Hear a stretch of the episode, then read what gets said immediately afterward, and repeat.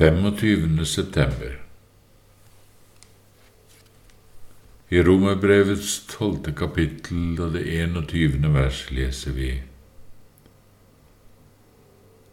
La deg ikke overvinne av det onde, men overvinn det onde med det gode.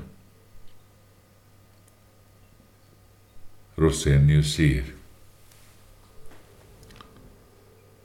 Ser vi disse ordene i sammenheng med verset foran, synes meningen først og fremst å være denne.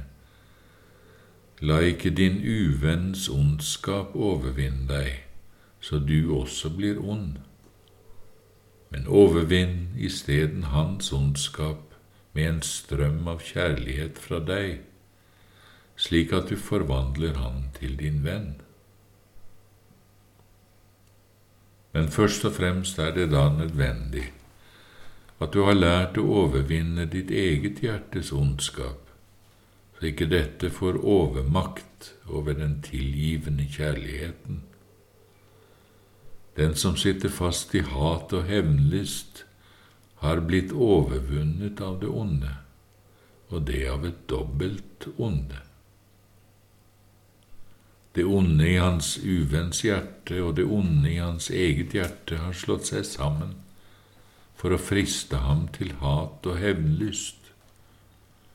Og når han forsvarer og unnskylder sin egen ondskap og ikke vil forlate, elske og gjøre godt mot sin neste, da har de seiret over ham. Når du er overvunnet av det onde, da er du også på en måte dobbelt ulykkelig. Ikke nok med at hjertet ditt preges av hat og uvennskap mot et medmenneske som fra før i seg selv er en, i en ulykkelig og fredløs tilstand, men du er også på grunn av det samme hatet og uforsonligheten utestengt fra Guds nåde og Guds vennskap. For vår Herre Kristus har tydelig sagt, dersom ikke hver eneste en av dere av hjertet forlater sin bror hans overtredelser, da skal heller ikke deres far forlate dere deres overtredelser. Det har derfor den aller største betydning at vi ikke lar oss overvinne av det onde og blir sittende fast i hat og uforsonlighet. Ja, det er altså helt nødvendig hvis vi skal bli frelst. Det er et helt spesielt forhold i denne ondskapen med hatet. Det vitner nemlig om hvordan ditt hjertes forhold er til Gud, til synd og til nåden. For bare du sier du ikke kan forlate et bestemt menneske, så sier du samtidig at du kan selv unnvære Guds nåde og Guds forlatelse av dine synder. Ja, du kan selv unnvære frelse og evig liv. Hvis du derimot klart kjenner din egen synd, og Guds nåde virkelig er uunnværlig for deg, da kan du selv forlate de aller største urettferdigheter som påføres deg. Kan du ikke det?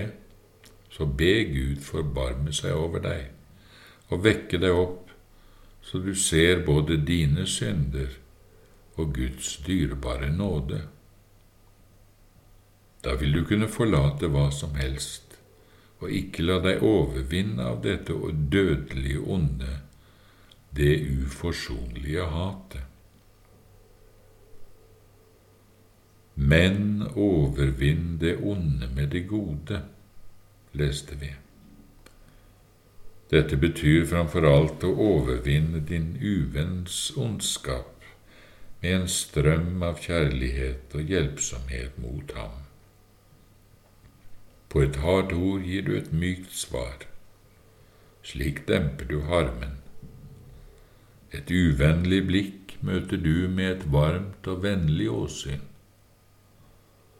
Når du får høre at en nabo har sagt noe ondt om deg, skal du fortelle noe godt du vet om ham. Så kanskje han også får høre dette, og forholdet kan forvandles til vennskap.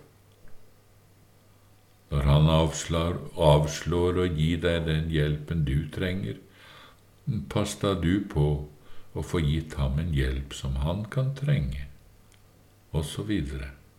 På denne måten overvinnes det onde med det gode.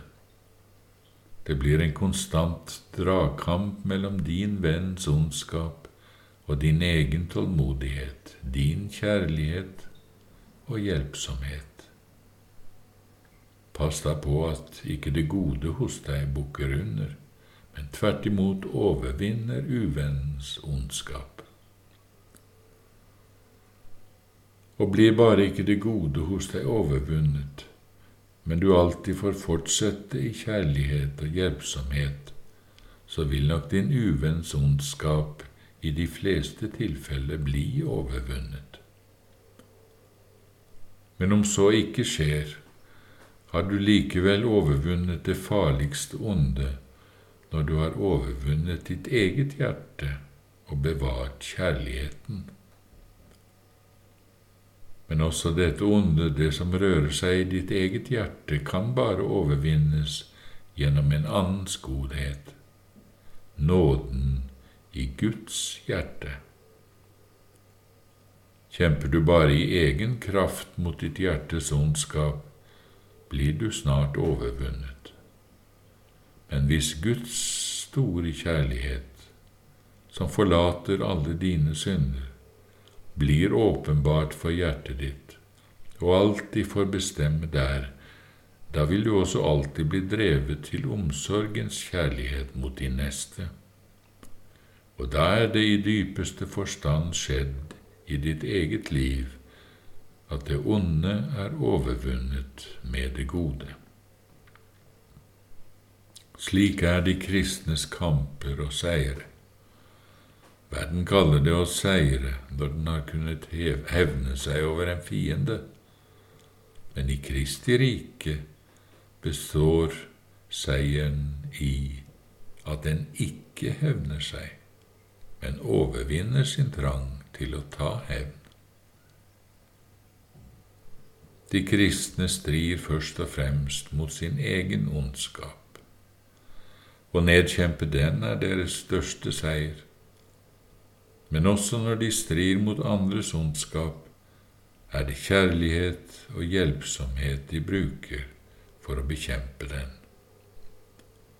Måtte Gud med sin store og evige kjærlighet mer og mer oppgløde oss til denne kampen og overvinne det onde med det gode.